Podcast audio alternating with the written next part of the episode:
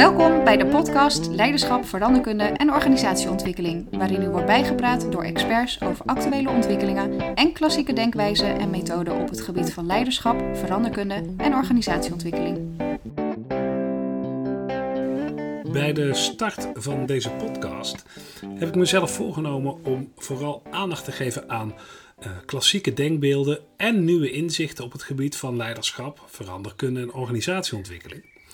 Um, en ik heb er tot nu toe steeds voor gekozen om dat te doen samen met een gast. Um, dat vind ik leuk, hè? mensen vragen stellen, uh, daarin ook mijn eigen gedachten scherpen en op die manier uh, middels een gesprek ook aan alle luisteraars mee te geven wat er zoal speelt. Ik heb al een paar leuke onderwerpen gehad, een paar hele boeiende gesprekken gehad.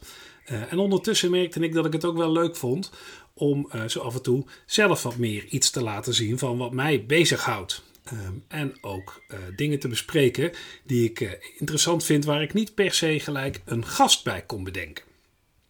Dat werd nog versterkt toen we toch allemaal veel meer thuis gingen werken. En ik na begon te denken over van joh, is het nou niet leuk om een aantal boeken ehm, met inzichten die ik veel heb gebruikt in mijn werk, of nog steeds veel gebruik, um, eens met jullie te bespreken. En dat is wat ik nu uh, ga doen met het allereerste boek. Uh, wat ik ga proberen is uh, één keer in de zoveel tijd een boek uit mijn kast te trekken en samen met jullie eens door de essentie van dat boek heen te lopen. Um, en dat te blijven afwisselen met leuke gesprekken met interessante gasten. En vandaag dus dat eerste boek, met, dat eerste, met die eerste boekbespreking, om het zo maar even te zeggen. En dat is een boek van Patrick Lencioni. Uh, met een hele, nou ja, ik vond het een aansprekende titel toen ik het ooit zag staan. En de titel is Vergaderen is dodelijk. Nou, ik vergader heel veel uh, in mijn werk, heb veel vergaderd in mijn werk. Um, uh, was uh, in de tijd dat ik uh, nog als leidinggevende, als gemeentesecretaris aan de slag was, ben je natuurlijk gewoon echt heel veel bezig met vergaderen. Maar ook nu, als interim manager en, en um, organisatieadviseur, is natuurlijk overleggen iets wat ik vaak doe. en dan vind ik zo'n titel, Vergaderen is dodelijk, vind ik een hele interessante. En wat is daar nou zo interessant aan, is eigenlijk ook een beetje de ondertitel van het boek. En dat zegt: maak vergaderen weer productief en zinvol. En dat is natuurlijk iets wat we allemaal wel uh, willen. Uh, de reden dat ik um, dit boek graag met jullie bespreek is omdat ik het echt al aan heel veel mensen heb aangeraden en ook al aan verschillende mensen cadeau heb gedaan. Uh, en ook de theorie die in het boek uiteen wordt gezet ook al echt heel vaak in de praktijk heb gebracht. Uh, tot tevredenheid in ieder geval van mezelf. Uh, maar ook heel vaak van mensen die ermee zijn gaan werken en achteraf bedachten ja, er knaagde eigenlijk altijd wel iets aan onze manier van vergaderen. En er zat altijd wel een soort onvrede van joh, waarom gaat het nou niet helemaal zoals ik wil? Uh, of zoals wij willen. Um, en na het uh, lezen van het boek of na het werken met dit model. Um, uh, werd die tevredenheid een stuk groter. Dus dat sprak mij altijd erg aan. Um, en vandaar dat ik het ook graag met jullie bespreek. Nou is het boek, uh, uh, net als uh, een van de andere boeken van Patrick Lencioni, is geschreven als een soort parabel. Dus het is eigenlijk een, een roman waarin nou ja, de hoofdpersoon uh, erachter komt uh, wat er niet goed loopt aan de vergaderstructuur in het bedrijf waar hij aan de slag gaat. Het heeft wel een wat uh, Amerikaanse look en feel, moet ik zeggen. Daar moet je wel wat doorheen lezen. En Lencioni is een vermakelijk schrijver, maar een groot romancier is er nou ook niet aan hem verloren gegaan. Um, neem niet weg dat het natuurlijk wel een hele fijne manier is om je model als het ware toe te lichten. Um, en dat doet hij dus ook. Um, want uh, het is een boek van, uh, nou ja, zo'n zo 200, 220 pagina's. Uh, en de eerste, um, nou laten we zeggen 170 pagina's van het boek. beschrijft hij dus in romanvorm iemand die een verbetering in vergaderstructuur en vergadercultuur teweeg brengt. en heel eerlijk gezegd, na een, een pagina's 50, 60 heb je eigenlijk wel een beetje door waar het heen gaat. Um, en toch stoort dat niet. Um, waarom stoort het niet? Omdat je het boek natuurlijk niet bent gaan lezen om nou een geweldige literaire roman tot je te nemen. Je bent dat boek gaan lezen omdat je op zoek was, in ieder geval ik wel, op zoek was naar een manier om uh, beter met vergaderingen om te gaan. En uh, je voelt eigenlijk inderdaad eigenlijk wel een beetje aan, ja, dit zijn dingen die ik ook wel meemaak in mijn dagelijkse praktijk. Het zijn dingen die je ook heel snel uh, kunt toepassen in je eigen manier van vergaderen. en dat model, dat wil ik eigenlijk even met jullie doornemen. En ook even kijken van wat is nou uh, een manier die bij jouw huidige praktijk van werken een goede manier van werken zou kunnen zijn. En de scheiding die hij aanbrengt is eigenlijk simpel. Hij zegt: doe nou een dagelijkse update. Hou die kort um, en wissel nou in die dagelijkse update vooral uh, de kleine uh, dagelijkse planningsdingetjes en de verstoringen die je hebt tegengekomen. Hou die nou even kort. Doe een kopje koffie. Um, hij geeft er ook de tip bij. Blijf staan. Hou het bij dagelijkse activiteiten. Um, en informeer elkaar gewoon even. Dus even eigenlijk een dag start-up. Uh, 10 minuten, kwartiertje. Uh, en zoek daarin vooral even het persoonlijk contact. Dan zegt hij daarna: ga ook wekelijks een tactisch overleg inplannen maandelijks een strategisch overleg. En één keer in een kwartaal, hè, dat is zijn model, daar kun je natuurlijk je eigen weg in vinden, uh, doe je een sessie uh, die het echt heeft over uh, je teamontwikkeling, over je manier van vergaderen, de echte grote vergezichten. Dus dagelijkse update, wekelijk tactisch, maandelijk strategisch en een kwartaalsessie waarvan hij dan ook zegt: doe die lekker buiten de deur. Um, over die dagelijkse update heb ik het al gehad. Uh, en ik moet je heel eerlijk zeggen, zo'n dagelijkse update, uh, uh, die valt in de Nederlandse cultuur gewoon niet altijd makkelijk te realiseren. wij zijn toch een land waarin mensen vaak ehm, flexibele starttijden hebben, ook op verschillende dagen werken. Um, en hoewel zijn tip over die dagelijkse update wel is van ja, weet je, uh, iedereen komt als die kan komen. Ben je een keer niet, is het ook geen probleem. Hoewel hij wel zegt dat het natuurlijk een probleem zou kunnen zijn. En ook dat herken ik wel als uh, um, een, een, kleine groep mensen wel structureel wegblijft bij zo'n dagelijkse update. Ja, dan missen die mensen wel iets. Maar dan mist ook die vergader, uh, hè, het doel achter die vergadering begint dan ook wel iets te missen. maar we moeten niet al te spastisch doen over als je een keer niet op kunt komen dagen. Toch merkte ik, um, zeker bij de allereerste keren dat ik, het, dat ik dit model introduceerde, merkte ik dat het wel wat weerstand oproept om ook echt dagelijks met elkaar te gaan zitten. Um, mijn oplossing was om dat um, twee of drie keer per week te doen. met hetzelfde doel. Even een kleine update. Wat speelt er nou op jouw afdeling? Wat speelt er bij jou thuis? Wat speelt er bij je persoonlijk? Even, een, om het zomaar even te zeggen, de pijlstok uh, erin stoppen. Um, de tip die hij daarbij geeft is: blijf dat ook lekker staand doen. Uh, niet gaan zitten, achteroverleunen en te veel tijd nemen, maar echt even to the point. Uh, snel elkaar ontmoeten. Eigenlijk alsof je bij een koffieautomaat staat uh, en elkaar eventjes uh, bevraagt op de stand van de dag, om het zo maar te noemen. Um, is bovendien erg gezond, hè? staand vergaderen. het houdt je ook strak, dus dat is hartstikke fijn. Ik heb dat altijd als erg nuttig ervaren. ik heb gewerkt in colleges van BMW waar het echt gebruikelijk was om inderdaad elke ochtend een kop koffie te drinken met elkaar. Ik heb gewerkt in MT's waar we twee keer in de week uh, deden. Um, eigenlijk elke keuze is prima als je maar um, jezelf vasthoudt aan het idee dat je even die korte update doet en dat je dat meerdere keren in de week doet. Dan de tweede, de wekelijkse en tactische overleggen. Um, tip die Lencioni daarbij geeft is: hou dat nou tot drie kwartier tot anderhalf uur. En dat is ook wel uh, herkenbaar. Als je te lang bij elkaar gaat zitten, dan krijgt zo'n vergadering ook een andere sfeer. Uh, en wat hij zegt is van joh, hou dat nou bij wekelijkse activiteiten, tactische problemen en dat soort kwesties oplossen. En, en dat is één uh, ding wat ik eigenlijk het meest in het oog vind springen bij dit vergadermodel, maar ook bij deze, bij deze wekelijkse tactische vergadering, geen agenda, geen stukken. Dat zijn wij niet altijd gewend. Uh, want zonder agenda, zonder stukken, dan lijkt het al een beetje op zo'n uh, dagelijkse update. Maar dat is het dus duidelijk niet. Wat je doet is dat je even aan het begin uh, met elkaar aandacht hebt van, joh, wat hebben we eigenlijk te bespreken? Die bespreking van de agenda, die moet je natuurlijk geen half uur laten duren. Dat is ook zonde van je tijd. Maar even 5 à 10 minuten opleiden. Waar moeten wij het over hebben? En heb ik daarna zelf toegevoegd ook eventjes waarom. Hè? Zodat je met elkaar kunt bepalen van joh, wat heeft hier nu de meeste prioriteit? Wat hebben wij te behandelen? Waar moeten we het over hebben? Ehm, en je kunt zelfs nog een soort van groslijstje aanhouden waarbij je zegt van joh, ehm, eh, dat is even deze keer in de wekelijkse update uh, of in de wekelijkse uh, tactisch overleg niet gelukt. Dat gaan we op een later moment nog even oppakken. Dat kan. Ehm, maar vooral dus zonder agenda, zonder stukken. Dat geeft mensen ook de vrijheid om gewoon aan te komen dat wat op hun leven zit. En waarbij ze wel even iets meer duiding willen geven. En ook iets meer input terug willen van jou uh, of van teamgenoten. Dan bij zo'n dagelijkse update. Dat kunnen ze gewoon inbrengen. Je hoeft dat niet voor te bereiden. Je hoeft niet eerst te denken: oh, waar vind ik nu weer de tijd om een stuk te schrijven? Of hoe zet ik dit nou in een memo? Of ehm, jeetje, ik moet naar die vergadering, maar ik heb de stukken nog niet gelezen. Nee, dat hoeft dus niet.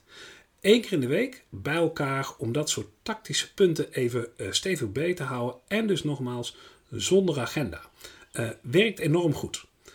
Zeker omdat hij dat combineert bij, uh, en hij noemt dat dan maandelijks, strategisch, een echt wat ruimer overleg. Twee tot vier uur geeft hij aan. Um, ik moet heel eerlijk zeggen dat ik dat tempo vaak wat omhoog heb gegooid. Dus niet één keer in de maand, maar één keer in de twee weken. Waarom? Eigenlijk ook omdat, ja, als er eens een keer, om wat voor reden dan ook, zo'n overleg uitvalt, um, ja, dan ben je zomaar opeens twee maanden verder. Dat is wel heel ver. Dus ik heb het tempo wat verhoogd, maar dan uh, de looptijd weer wat verkort.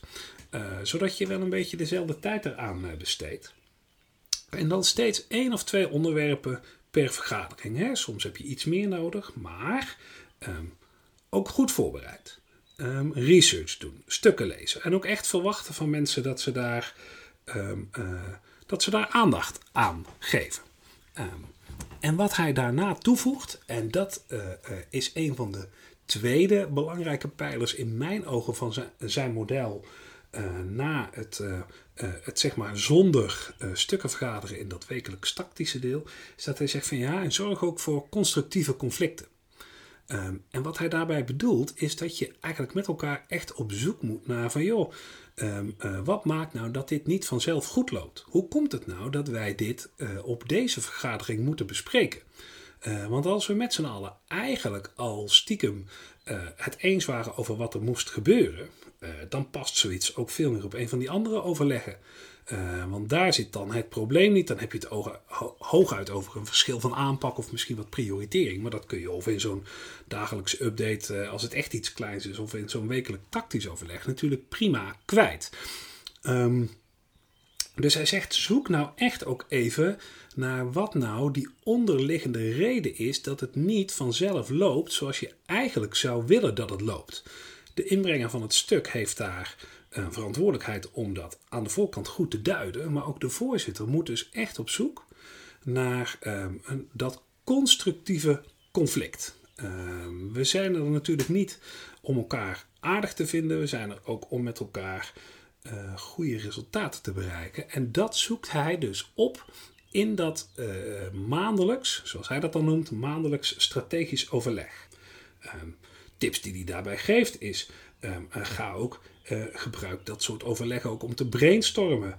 Uh, zet de, de stip op de horizon eens wat verder weg. Hè? Gebruik nou echt je lange termijn agenda om met elkaar na te gaan van joh, wat hebben wij nou eigenlijk te doen? Maar doe dat wel op een structurele manier en laat dat vaker terugkomen. Hij voegt daar wel nog aan toe, en ook dat vind ik erg herkenbaar. Hij voegt daar wel aan toe om dat goed te kunnen doen, om dat constructieve conflict goed op te kunnen zoeken, moet je wel zorgen dat je niet te veel punten op de agenda hebt. Uh, ook dat zullen veel van de luisteraars, denk ik, echt wel uh, herkennen. Uh, dat op het moment dat je dan zo'n vergadering hebt en dat je eindelijk de tijd voor elkaar gevonden hebt, dan zit dat vaak een overvloed aan een stuk op een agenda. ik heb niet zelden meegemaakt dat er soms wel uh, 15 stukken in een zeg maar een tactisch strategisch overleg terechtkwamen. En dat je je dan echt afvroeg van joh, hebben nou al die stukken wel voldoende aandacht gehad? Um, en Lencioni is daar heel helder in. Dat gaat dus ook gewoon niet. En mocht je er naar achter komen dat je toch te vaak dit soort vergaderingen hebt, dan heb je een paar oplossingsrichtingen. En dat is een paar van dit soort overleggen extra inlassen. Echt de tijd nemen voor dat wat belangrijk is. En het andere wat hij doet, is ook heel kritisch, uh, zeg maar, als voorzitter, als hele groep, maar als voorzitter in het specifiek kijken, uh, doen wij eigenlijk de juiste dingen wel op de juiste vergadering? Zijn al deze onderwerpen die nu op de strategische agenda staan, horen die niet eigenlijk in zo'n dagelijkse update? Of hè, een paar keer per week update, maar die dagelijkse update of die uh, wekelijkse tactische overleggen thuis. En dat is dus ook een hele kritische vraag waar je het met elkaar over moet hebben. Uh, waarmee we gelijk een brug slaan naar het laatste onderdeel van uh, zijn methodiek. Uh, en dat is het onderdeel waarin hij zegt: ja, en één keer in het kwartaal, dan moet je een sessie buiten de deur hebben. En in zo'n overleg buiten de deur, daar neem je echt de tijd voor. Hij zegt ook niet voor niks buiten de deur, juist om te voorkomen dat die verstoringen er toch nog insluipen. We herkennen dat denk ik allemaal wel. Um, en dan om een of andere reden wordt er voor gekozen om toch niet naar buiten te gaan. Hè. Is dat nou omdat dat het uh, verkeerde beeld schept bij uh, de medewerkers of bij een bestuur of uh, bij collega-organisaties? of vinden we, vinden we dat, dat, dat we ons die luxe niet kunnen permitteren? Of vinden we dat het zonde is van de reistijd of wat dan ook? Of is het eigenlijk wel makkelijk om toch nog even dat ene gesprekje ertussendoor te kunnen doen? En eigenlijk zegt hij, ja, dat zijn allemaal precies de redenen waarom je het uh, uh, wel zou moeten doen. Je moet gewoon echt even loskomen van die dagelijkse realiteit in zo'n kwartaaloverleg. En ook daarbij zeg ik dan maar weer even op eigen titel: uh, als dat in jullie geval één keer per half jaar of um, zeven keer per jaar moet zijn, vind daar je eigen weg in. Maar het gaat even om de gedachte erachter. En de gedachte erachter is dat je echt even een uitgebreide uh, uh, een uitgebreid moment neemt om stil te staan bij je strategie, bij je lange termijn agenda. Um, maar ook stil te staan bij jezelf. Hè? Dus evalueer de groep met wie je uh, aan het vergaderen bent. Evalueer ook de manier waarop je aan het vergaderen bent.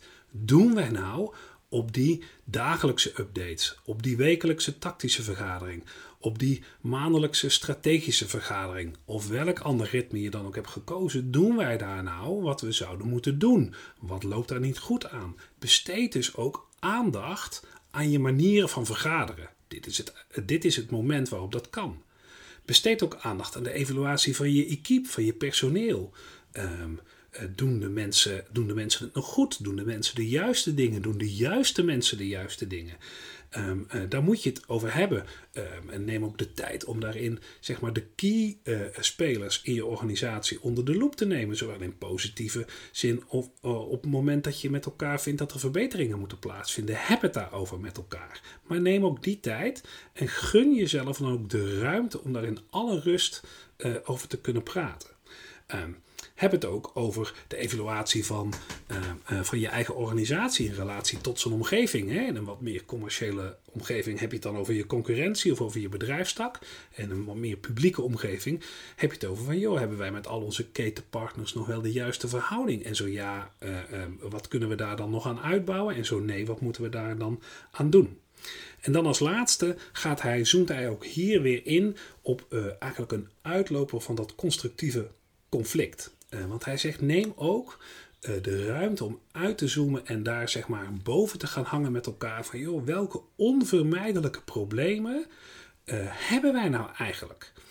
Um, is het inhuren van de beste mensen, dat vraagt soms financiële offers. Um, en die financiële offers die kunnen niet altijd worden gebracht. Um, dan is het ook niet gek dat je concern controller misschien in dit soort vergaderingen eigenlijk consequent een ander standpunt heeft dan de vertegenwoordiger van de HRM-afdeling. Dat is heel logisch, maar probeer daar nou eens met elkaar uit te zoomen. Wat zit hier nou aan patroon onder, wat eigenlijk logisch is vanuit beide kanten? En kunnen we daar nou op een bepaalde manier nou, niet alleen begrip voor elkaar krijgen, maar ook kijken wat zijn nou goede oplossingen om daar structureel goed uit te komen? Hij vraagt daar aandacht voor uh, en dat helpt enorm. En tenslotte geeft hij nog een paar tips. Uh, daarvan geeft hij aan dat ze niet per se nodig zijn, maar die wel erg kunnen helpen uh, bij het goed vergaderen op dit uh, bijna strategisch-strategische niveau. Ook een metaniveau door te kijken naar jezelf.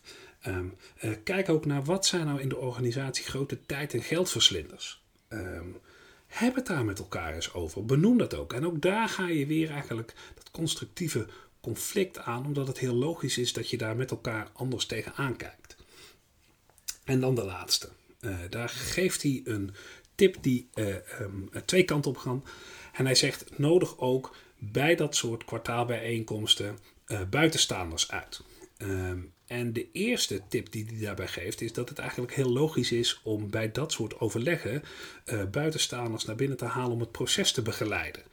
Um, om ook de scherpte op te kunnen zoeken van joh, doen we dit nou eigenlijk allemaal wel goed? Helpt het natuurlijk best uh, geregeld om daar een externe begeleider bij te hebben die ook de voorzitter even kan ontlasten in die rol. Want ja, een voorzitter zou dit uh, eigenlijk in principe goed moeten kunnen, maar die voorzitter is soms ook onderwerp van gesprek. Uh, en dat mag, um, sterker nog, dat moet, daar moet je het met elkaar over hebben. Maar als je die voorzitter dan ook nog vraagt om dat gesprek goed te begeleiden, kan het soms wel heel lastig worden. Uh, en moet je het eigenlijk elkaar en je voorzitter ook gunnen dat je die ruimte hebt.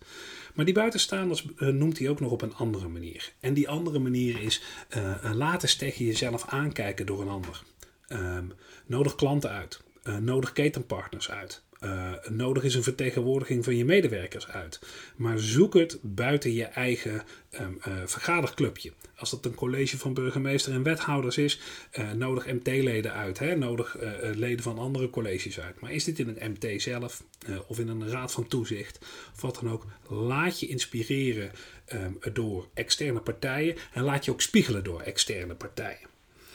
Um, als je dit modelletje, uh, en ik praat er nu zo'n 20 minuten over, eigenlijk in al zijn simpelheid bekijkt, dan denk je: waarom doen we dit niet vaker? Uh, en uh, wat ik heb gemerkt in mijn werk is dat we het niet vaker doen, omdat we eigenlijk niet altijd de ruimte nemen om hier even goed over na te denken. en het soms ook maar bij uit gemak laten bij het oude. mijn pleidooi, en dat is ook het pleidooi van Lencioni, is gun het jezelf om goed te vergaderen. Want zijn boek heet Vergaderen is dodelijk. En wat hij eigenlijk bedoelt is: slecht vergaderen is dodelijk. En ik denk dat we dat allemaal herkennen. En ik denk dat we ook allemaal herkennen. Um, en dat we zijn ondertitel. Maak vergaderen weer productief en zinvol onszelf allemaal gunnen. Dus wat mij betreft een prima, hartstikke simpel model. Um, en dan komt een zin die ik vaak gebruik weer om de hoek. Het is vaak zoveel makkelijker om uh, dat wat relatief simpel is te vatten in complexe modellen dan dat wat eigenlijk heel ingewikkeld is te vatten in simpele modellen. Ik denk dat dit een voorbeeld is van een relatief simpel model uh, wat antwoord kan geven op een vraagstuk uh, wat in de realiteit, hoewel het soms ontkend wordt, hartstikke complex is. Dankjewel voor het luisteren. Vond je dit een aansprekende podcast? Abonneer je dan in je favoriete podcast app en deel deze aflevering met anderen. Heb je vragen of tips? Mail dan naar christianverdeberg.gmail.com of ga naar mijn LinkedIn pagina. Graag tot een volgende keer.